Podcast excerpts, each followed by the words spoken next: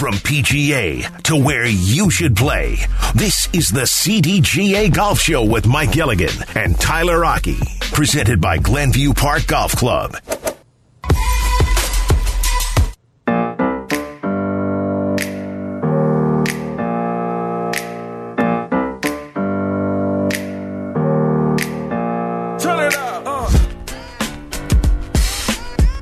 Into the CDGA Golf Show presented by Glenview Park Golf Club. Tyler Aki, Mike Gilligan. We talk golf with you every single Saturday throughout the golf season right here on ESPN 1000. Don't forget you can watch the show Twitch, twitch.tv slash ESPN 1000 Chicago. This segment is brought to you by Fox Bend Golf Course. So earlier this week, the Chicago Bears had their OTA practices out at Halas Hall. And I was up there with Sylvie and our director of content, Danny Zederman.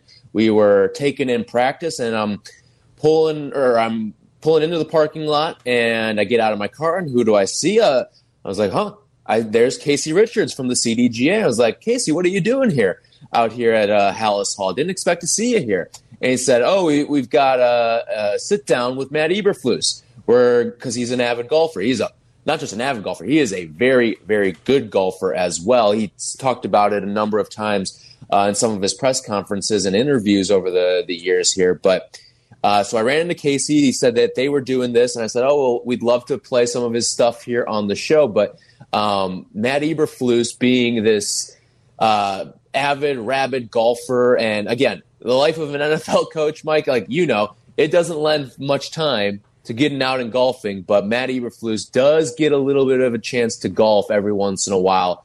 And this is a part of his conversation with Casey and the rest of the CDGA crew that was out there at Halas Hall. This was Matt Eberflus, a quick nine with Casey Richards and the CDGA.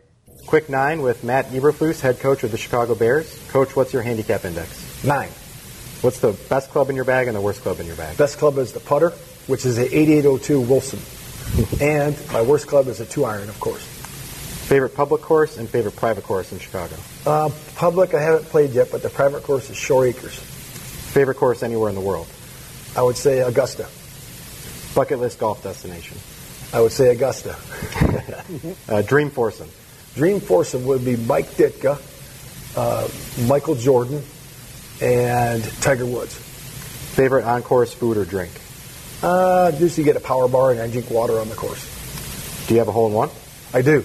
It oh. was Hickory Hills, Ohio. I don't think the course is there anymore. It was 194 yards. I hit a four iron, and it was uh, about 10 feet left and just kind of sank into the hole. And what's your lowest round? Uh, 74. Thank you. Thank you. So there is the head coach of your Chicago Bears, Matt Eberflus, right here on the home of the Bears, ESPN 1000. And uh, yeah, so he is one of those guys. When he has time, he can make it. He can he can go low. You heard the the seventy four there, his lowest round that he's ever shot. Um, but the coach of the Bears, uh, again, doesn't have a lot of time for for golf nowadays uh, because things are a little bit busy up there at Halas Hall. But um, during the season, I know he puts the clubs away, but out of season, he may get a chance to sneak in a few rounds. And when he does, he's a pretty good player. Yeah, no doubt. He definitely is a very, very good player, and I have to share the same sentiment. Shore Acres is is my favorite course in this district. When it's all said and done, it's one special place up there in Lake Bluff. Um, but yeah, the the mere fact that he's carrying an 8802 Wilson putter tells mm-hmm. me he can play golf because you only good players are using that putter. That is not something that you're going to go run to PGA Superstore and see out on the rack right now. That uh, that's a classic uh, putter, and uh, so he he clearly understands the the game and uh, the equipment that comes along with it. But uh, I just asked the question: Why in God's green earth does he have a two iron still in his bag?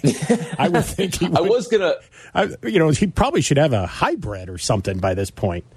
Right. I, I was going to bring up the the club choices there because uh, it's not often you hear someone pull out the putter as their best club in their bag. I thought that was interesting because uh, even if you are a good putter, I feel like you don't call up the putter as the best club in your bag.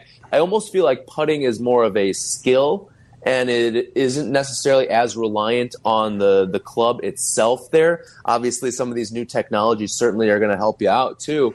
Um, if you are a, a really really advanced player, but I I was intrigued by the putter as being a a his, his favorite club and his best club in his bag there.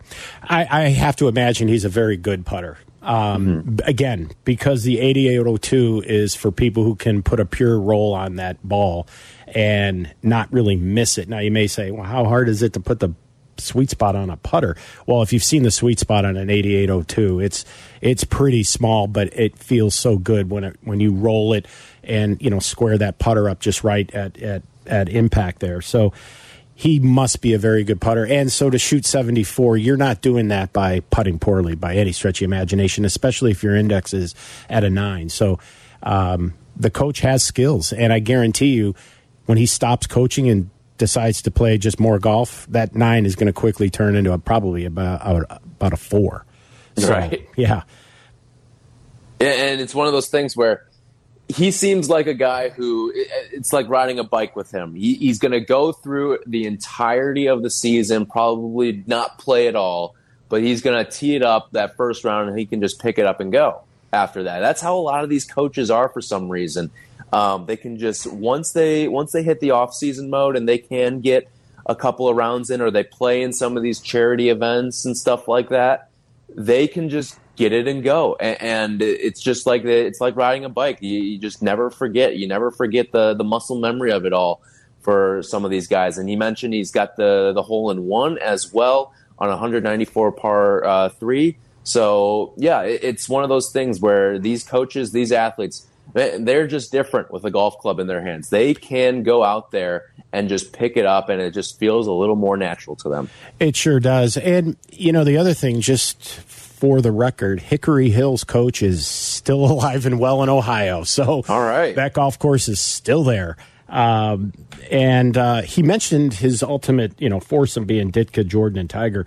I think he takes a page right out of Ditka's book because I know when I was a, uh, an assistant golf professional at Butterfield Country Club, Ditka would stop by quite often, and he would do so right after practice, he'd be in a game with John DeMore or some of the other former Chicago Bears that he played with that were members at Butterfield. So for him, his summers were practice, golf, cards.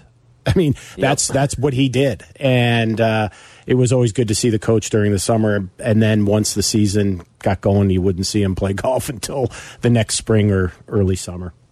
And then when he retired, it was just golf and cards, right? That's just golf and cards. And I would not play cards against Coach Ditka. He is an amazing gin player. I'll leave it at that. Yeah. Uh, 312 332 3776. If you've got any takeaways from Matt Eberflus, the avid golfer there. And a number of, I know uh, Robbie Gould is going to join us at some point throughout this summer, but he's one of those guys. He's been a, a fantastic teammate of ours here at, at ESPN 1000 He's a big time golfer, loves the sport.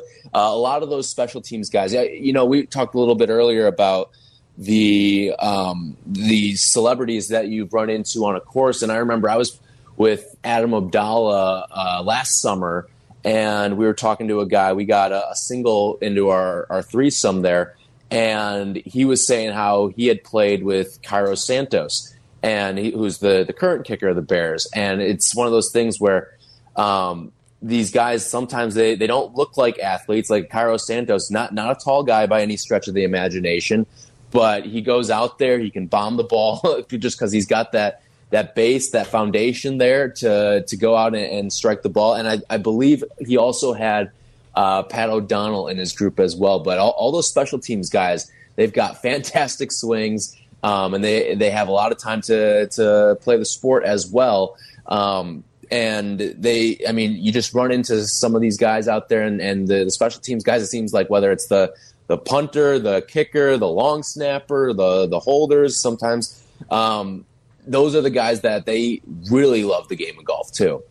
Oh yeah no doubt. And uh, in talking with some former nfl and ncaa kickers you know they they would laugh. They would get in there you know, they're training early on in the summer, and then they would wave to the guys as they left practice, and everybody knew where they were heading.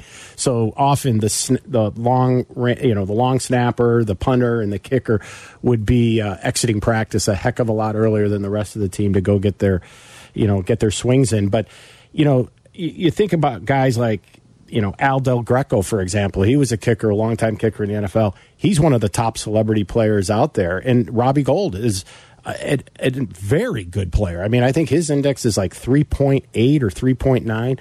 So kickers, you know, the leg, how they kick a ball is no different than the downswing that a player makes to the ball. So for these guys, working from the inside to out is exactly how they kick a football. So kicking a football and swinging a golf club have a lot of similarities to them. So that's why kickers do so well because they're generating so much power with their lower body first, just like you have to on a golf swing. So I think there's that natural crossover for for those guys to to excel at this game, and uh, Robbie's one of the guys that proves it. And Robbie and the CDGA have also become good friends, and Robbie is uh, got three CDGA members are going to be lucky enough to play with him on Monday out at Schaumburg Golf Club.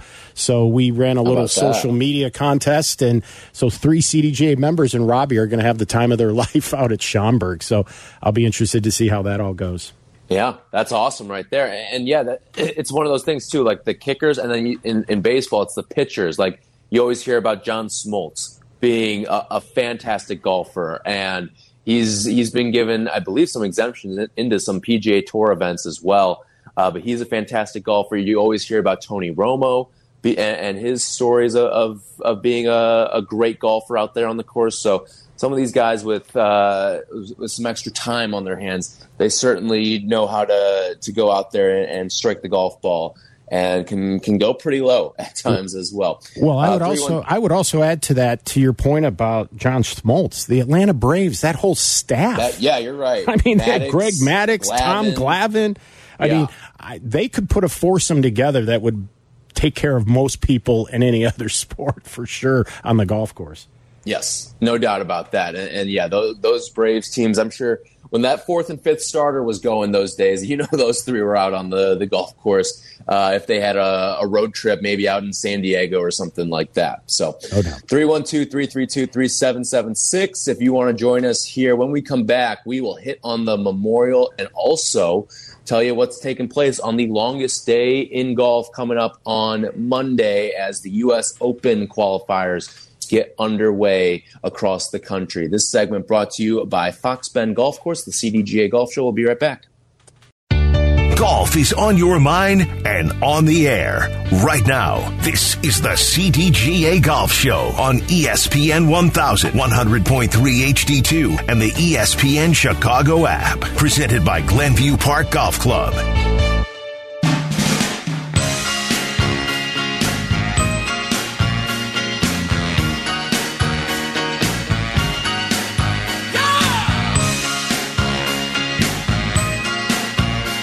This segment is brought to you by Golf Elgin, home of Bowes Creek Country Club and the Highlands of Elgin. We've got the memorial going on right now up at Jack's Place. Interesting leaderboard as you take a look at it. Justin Suh is the leader at 8 under. He's followed by Hideki Matsuyama at 7 under. Then you get into a tie for third at 6 bet, 6 under rather uh, David Lipsky and Patrick Cantlay. You move into the tied for fifth realm, S, uh, Siwoo Kim and Mark Hubbard. And then in your, the rest of the top 10 here and ties, you got Rory McIlroy, Sepp Straka, Patrick Rodgers, Jon Rahm, and Rickie Fowler. You know Jon Rahm loves this tournament. Won it a couple years ago. Probably should have won it again uh, before he had to pull out because of COVID. Um, but Rahm's certainly one of those guys who, in striking distance, and can certainly make a charge here on these final couple of rounds um, as we hit moving day here on this round three Saturday. Yeah, and you know it was uh, interesting to see a lot of the better players, you know, move all the way up the leaderboard. Um, I think Scotty Scheffler's maybe suffering from a little golf fatigue at this point. He barely made the cut. Um, so it'll be interesting to see how he fares this weekend. But, you know, I found what I found most interesting about the first couple of days are how some things went terribly wrong for some of the better players. Uh, yeah. Not sure if you saw what happened with Billy Horschel, who shot 84 yep. in the first round. And defending I mean, champion. Yeah, the defending champion shooting 84, and I felt for the guy. The emotions got to him. He's going through a swing change, and he's kind of caught in the middle. The swing change didn't pan out the way he wanted, so now he's regretting. He's trying to go back to once what he had, and he's somewhere in this abyss, and it is a lonely feeling because I kind of went through it myself. I questioned, you know, should I be making any changes at this age of my life? And you know, I, I feel for that guy. And yet he did something what I thought was uh, utterly just first class from him. It, it, he came back. Most guys would have just withdrawn, said, you know, I've got the flu or what have you. And he came back and made six birdies and shot 72 on, uh, on Friday, yesterday. But, uh, and then we had a gentleman, Chad Ramey. So Chad, on his final hole, which was the ninth hole, his 18th hole yesterday, because he started off on the back first, He's 106 yards from the middle of the fairway, and he made a 13. He pulled a tin cup. and he just kept dunking one, two, three balls, and then he ended up having a nice three putt to you know put the nice whipped cream and cherry right on top of that thirteen. And uh, Dylan Frittelli, he played holes nine through fourteen at 13 over par and decided I've had enough and walked in. So we had some guys making some numbers out at Memorial. So that golf course can play extremely difficult and uh, it's one of my favorite non-major tour events out there. I just think they do a wonderful, wonderful job down there in Muirfield, and uh, anything associated with Jack Nicklaus is going to come off in a first-class fashion. And and this is one of those what I'll call mini majors, if you will. Um, yeah. is, is, the Memorial in my eyes, and uh, one of my favorite tournaments to watch. One of my favorite golf courses to watch. Yeah, and it's also one of those designated events as well. So it's going. It has the the added purse there, twenty million. These guys that made the cut. You listed off a couple names there who just walked off the course, rage quit there. Um, they will not be a part of the the twenty million that is doled out when it's all said and done here. But that this is one of those events. It's going to draw the field no matter what because, like you mentioned, it's affiliation with Jack Nicklaus. So you didn't necessarily need to bump the purse up, but it's good to have that because I mean the, these PGA Tour players. I mean, one of the things that that is one of the good things that has come out of LIV is these guys are going to be getting paid a lot more money now, um, and the structure of the PGA Tour is changing slightly. And it's one of the things that Jack Nicklaus brought up too, because he does speak at, at his event and he, talked about how the the LIV tour has okay, it's spurred the PGA tour to get better, but he also said I don't even consider those guys to be part of the game anymore. And I think that's a real tough comment to be saying when we're not too far removed from Brooks Koepka going out and winning the PGA championship there because it's one of those things where you look at tournament after tournament, it's not just Brooks going out and winning, but you look inside the top five and the top 10 of some of these tournaments, and it's all sorts of LIV guys that are scattered throughout the leaderboard there. So to say that these guys aren't a, a part of the game anymore is, is just incorrect. And it's one of the things that I think as the LIV guys continue to go out and win some of these majors, I mean, we certainly could see it again um, with the way that Brooks has played championship level golf this year, uh, with what we saw out of Bryson DeChambeau and his sort of renaissance back into the sport. I think that if you do see a, another one of these LIV guys go out and win a major, it, it's going to be a real, real interesting conversation um, when you talk about how they should be viewed among the golf world moving forward. Yeah, absolutely agreed. And, you know, Jack's comments right after the the Oak Hill event. It was like a pie in the face. You know, it. I don't agree with what he's saying just yet because it, Brooks is number two in the Ryder Cup points, and he played in two events. So mm-hmm. if they're not a part of the game anymore, he's sure making his name well known by not being a part of this game anymore. So Um, I understand what Jack is saying. It also gives me pause to wonder what it would have been like if Jack would have accepted the position that Greg Norman has and went about things in an entirely different manner. Where would we be today? Because right. believe it or not, one year ago today is when LIV officially started. So they are one year old, basically yesterday, if you will, or today. Um, and I just wonder where it would have gone. And then you read where the business mogul Ari Emanuel was going to put in a, a billion dollars when he was approached by Mickelson and Bryson to invest in this thing, and this would have precluded any money from Saudi Arabia. So, what would the landscape look like had that actually happened? And as a favor to Jay Monahan, um, Ari Emanuel didn't invest the money. So, we were pretty close to having a whole different landscape of LIV out there, is what we're starting to learn from the article that was just put out by Sports Illustrated.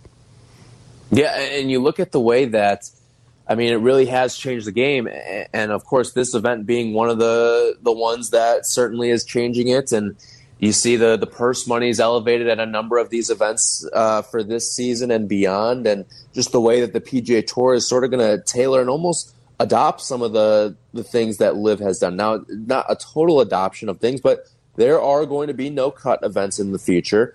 Um, you're not going to get the the shotgun starts on, on, the PGA Tour. Don't think we ever will. Uh, you're not going to get the the three rounds as well, the the 54 holes. But I think that overall, what it has done, it's been a, a really good thing for the sport. And the way that it's sort of changed the PGA Tour over the last year, like these guys should be thankful for what LIV has sort of done to help elevate their careers and just really drum up some interest in the sport as well. I think the when LIV first came to be, and you first started to hear the murmurs about, ooh, there could be this rival golf league, and then boom, there it is out on there. Oh, you got Phil Mickelson, and then Brooks, and then Bryson, and the way that it was sort of collected, it felt like it was just a lot of has-beens. Like Brooks was on the downturn, Bryson was on the downturn, Phil had he won the the the PGA, but then he was on a downturn after that and it felt like it was just a lot of names and not necessarily a lot of talent on this tour. They were just going to get paid a lot of money. Uh, Dustin Johnson, it felt like at the time, was really the only big name that was still playing good golf at the time. And obviously, it's changed since then. Brooks has sh- regained his form. Bryson looks to be back where he was. Phil was a runner up at the Masters. Cam Smith goes over to the LIV Tour. And the way that it sort of changed everything and uh, brought in this drama and brought in these added eyeballs for the majors, it really has helped the sport. And I think it, it's got a lot of it. And now, I don't think LIV itself necessarily has a lot of interest, but when it's intermingling with the PGA Tour, that's when you see it drum up the interest. A hundred, hundred percent. And, you know, to your point about how the PGA Tour is adopting the no cut, there's a rumor that there's going to be eight of these next year, and five of which are going to be uh, absolutely no cuts. And three of them, and we're thinking the three would be Jay Monahan's event, the Tournament Players Championship, Tiger's event at Riviera, and then this event at, at Memorial would be the only three that would still have a cut. But there are going to be five other events allegedly that will not have a cut. And I know that that is getting mixed reviews across the board among the players because there's a theory out there from the players' perspective if I'm not playing good, get me out of Dodge. Let me get home and start working on things. Don't make me play rounds three and four and, and right. have to stay there. Um, but they are going to collect a nice check. So I guess you're getting paid to get your game back into shape. But these guys, I think there's a fair amount of them that still prefer this thing to be more merit based in, in the way that it's always been. Um, so, but again, change is not necessarily an easy thing for everybody, and some people are going to welcome it, and some people are going to resist it. But in the end, change is coming. And to your point, I think there's going to be a lot of thankful uh, players, not only this year, but in the years to come because of everything that LIV has created and um, caused. Yep, no doubt about that. All right, when we come back, we will get you set for the longest day in golf. That's tomorrow as the U.S. Open qualifiers take place across the country. We'll give you some of the intriguing storylines and things to watch, players to watch, all that good stuff when we come back. This segment brought to you by Golf Elgin, home of Bowes Creek Country Club and the Highlands of Elgin. How's your golf game? Yeah, mine too, but more on that later.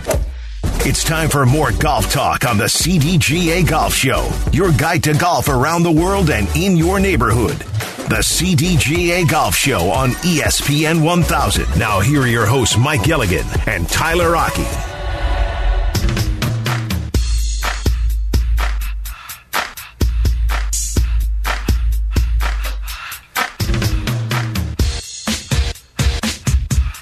This segment is sponsored by PGA Tour Superstore. Visit any of our three Chicagoland locations today.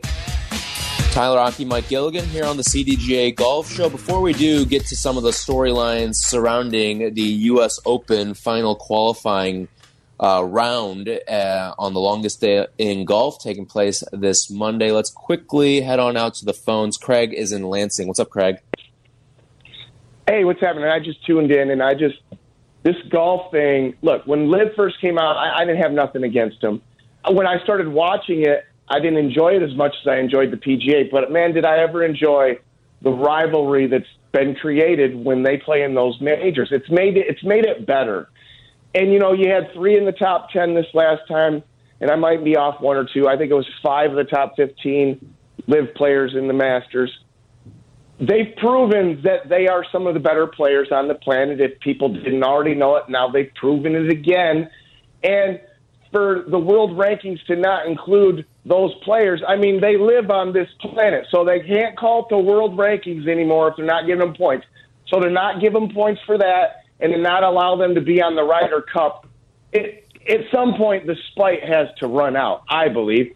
And and you need to recognize as a golf fan, even if you disagree with the LIV Tour, these guys are damn good golfers, and and you know I don't have to agree with everything in the world to respect the talent that they bring to the table, and I just I, th- I think that you know um, is Brooks Koepka going out there and playing the way he's played. I mean Cam Smith, you know if anybody thinks that Cam Smith isn't a top 10, top 15 golfer, then they haven't been paying attention the last couple of years.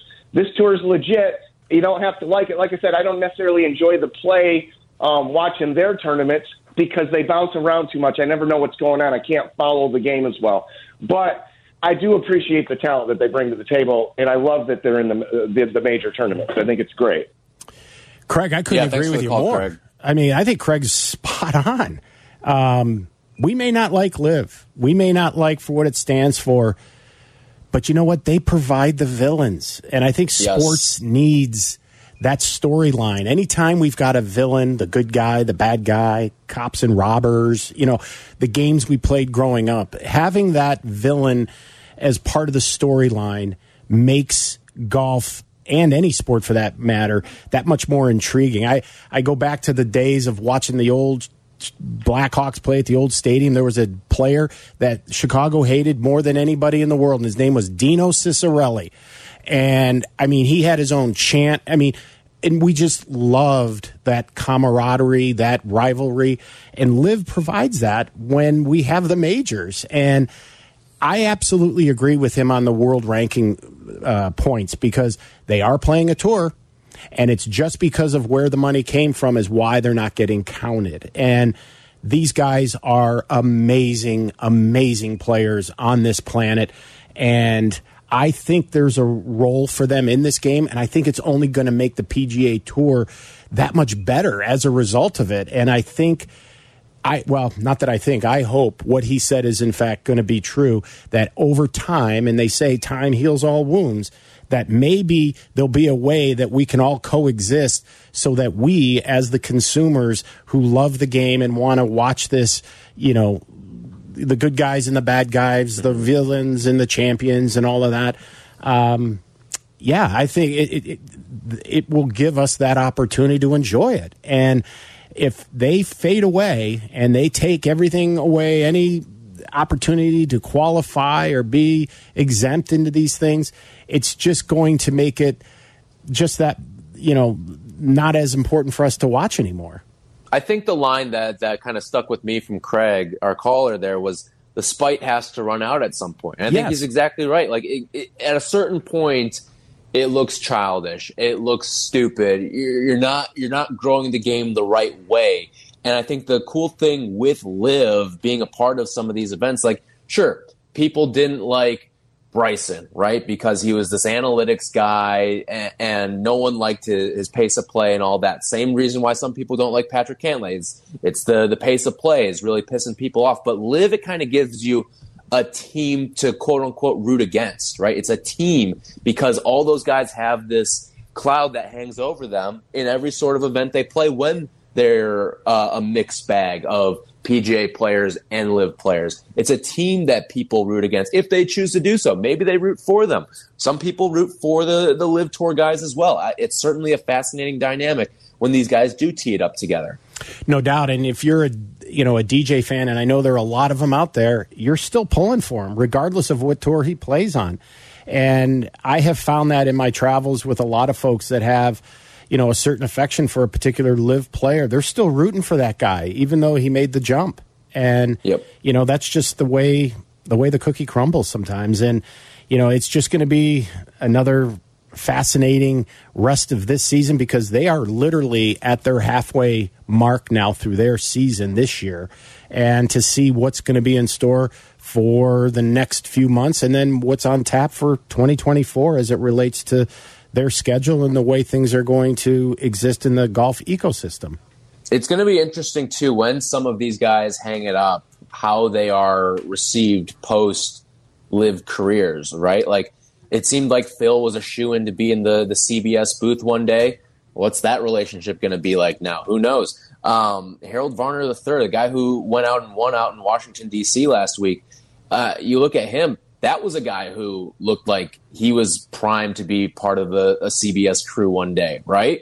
And, and, I mean, even when he was playing, he'd finish his rounds sometimes and go hang in the, the CBS booth and, and give commentating a, a shot for uh, a few holes here and there. Sometimes he would hang out for like 30 minutes to an hour after his rounds. You know, some people are getting tre- treatment, cleaning up, all that stuff, getting ready for dinner, all that but he would hang around in the booth uh, at, on CBS, and it seemed like he was a shoe in to be in the booth one day. But how is he going to be looked at post uh, LIV career? Is he going to be one of those guys who's going to be able to segue into the booth? You'd imagine with someone like Varner, it'll probably be easier because that conversation is what 15 or so years down the line. Um, but for a guy like Phil, who it's certainly a little bit closer, it's one of those interesting things that we're going to have to see and see how it shakes out moving forward. Uh, before we get to the U.S. Open final qualifying round, uh, some of the stories there. Uh, let's take callers 5 and 10 right now 312 332 3776. You will win a CDGA prize pack. So hit us up 312 332 3776. CDGA prize pack for callers 5 and 10 right now. All right.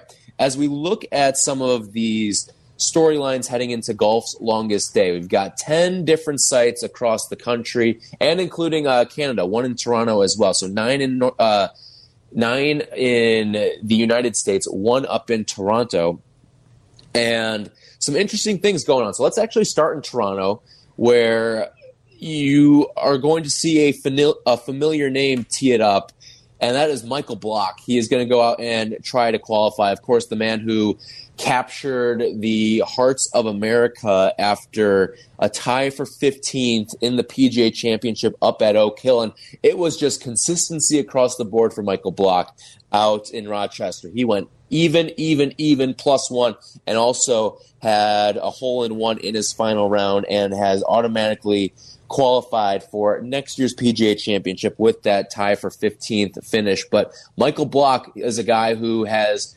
been in two U.S. Opens already and has a chance for a third here as well.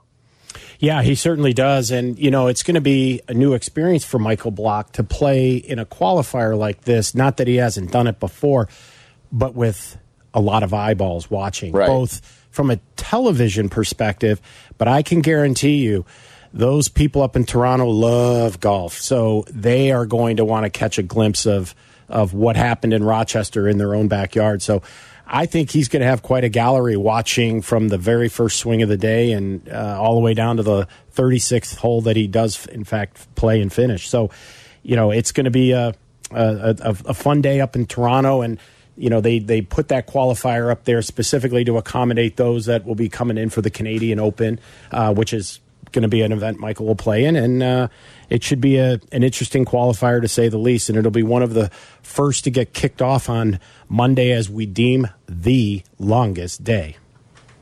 So, Golf Channel is going to have coverage of the event 10 hours of coverage, 7 to 9 a.m., noon to 2, and 6 to midnight yeah, Eastern time. Uh, all of those are. So, you, you look at Michael Block, it's going to be like, I think, Remember when Aaron Judge was chasing the AL home run record? And they would be in the middle of a college football game, and all of a sudden it's a cut to Aaron Judge and his chase for the home run record. I think we may get something similar to that, where oh, we'll we'll be seeing a little bit of coverage here, but oh, here's Michael Block on 13. Let's see what he's doing because he's going to be one of the biggest names that's going to be a part of this entire event. And another cool thing with uh, Michael Block and the Block family his son, Dylan, 18 years old, uh, out of California, he is going to be participating in the Los Angeles event at Hillcrest Country Club. So there, again, it, it would be tough to do, but there's a chance we could see not one, but two blocks in the U.S. Open, uh, this upcoming U.S. Open. Yeah, and you know, some other interesting family ties, if you will.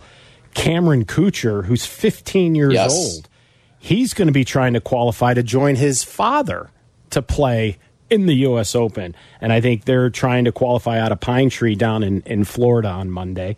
And, uh, you know, talk about youth. How about Jaden Soong? I think I it's just Soong. about to bring him up. Yep. Yeah, 13 mm-hmm. years old he goes to Thomas Starr King Middle School. When so, you put middle school in the bio, that's where you get me. That's where you get me. So this guy is going to go to the back tees and play with the big guys, and he is going to have to take a school, day off of school to go do it.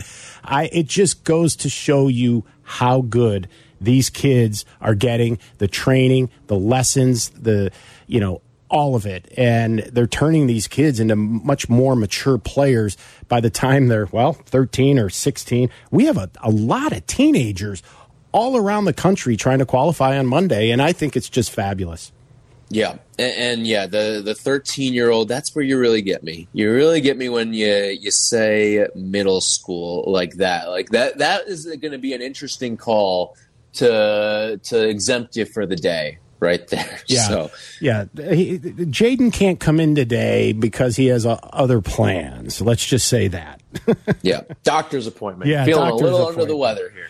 But you know um, the cruelty. Oh, oh, I was just going to say, you know, the, the, USGA is one of the few that doesn't give a lifetime exemption. So a guy like Lucas Glover, who won this event in 2009, has to go through qualifying to get right. back into an event that he won. You know, what was it, uh, 13, 14 years ago? And uh, in that same qualifier, Luke Donald and Zach Johnson, our two Ryder Cup captains, are both right. trying to qualify to get into this dance.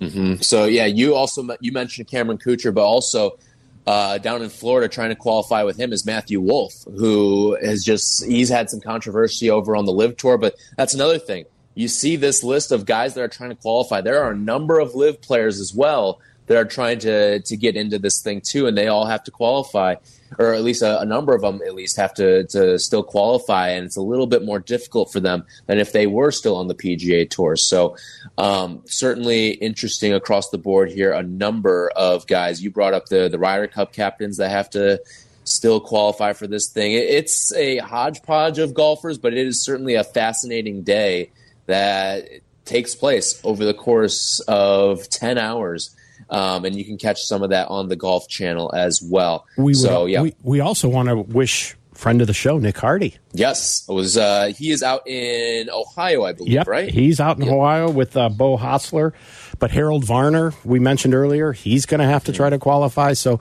there. If if you want some real riveting TV, just tune in into Golf Channel at any point during the day on Monday, and they will tell and unfold a story. I watched this longest day last year, and it is it's an amazing day, and it's an amazing emotional day to watch guys come so very close, and then their dreams just get you know destroyed on the last hole or they know they all they have to do is make bogey or better and they make it and then they make double.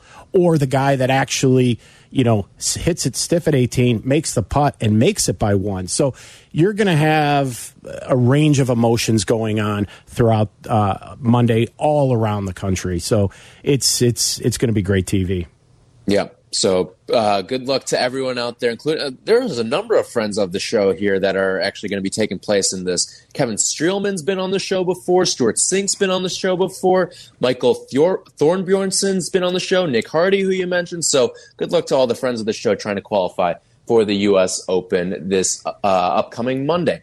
When we come back, we will go around the CDGA. This segment has been sponsored by PGA Tour Superstore. Visit any of our three Chicagoland locations today. Welcome into the CDGA Golf Show on ESPN 1000. Presented by Glenview Park Golf Club. Here's your hosts, Mike Gilligan and Tyler Rocky.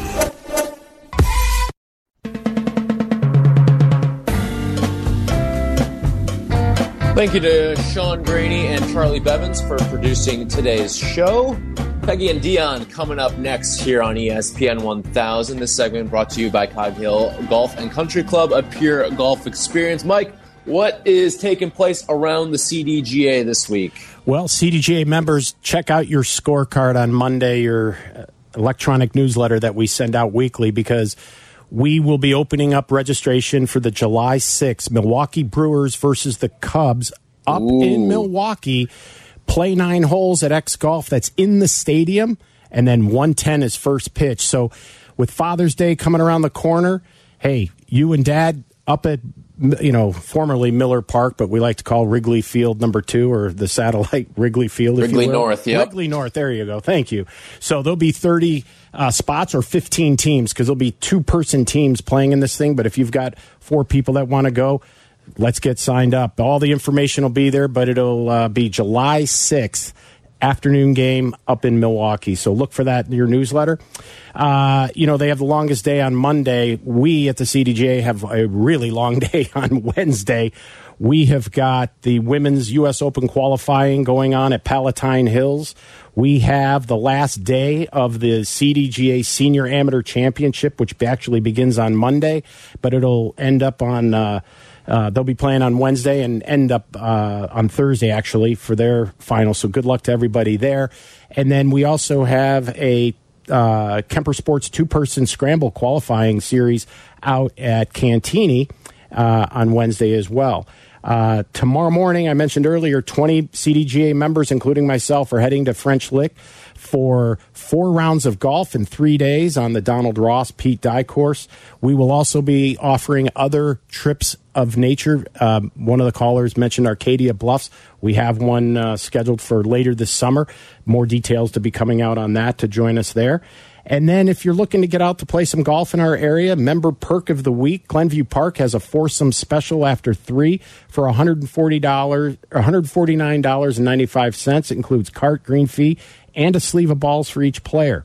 Uh, Fox Bend has a twosome special at $80 with cart anytime Monday to Friday. You can book that online.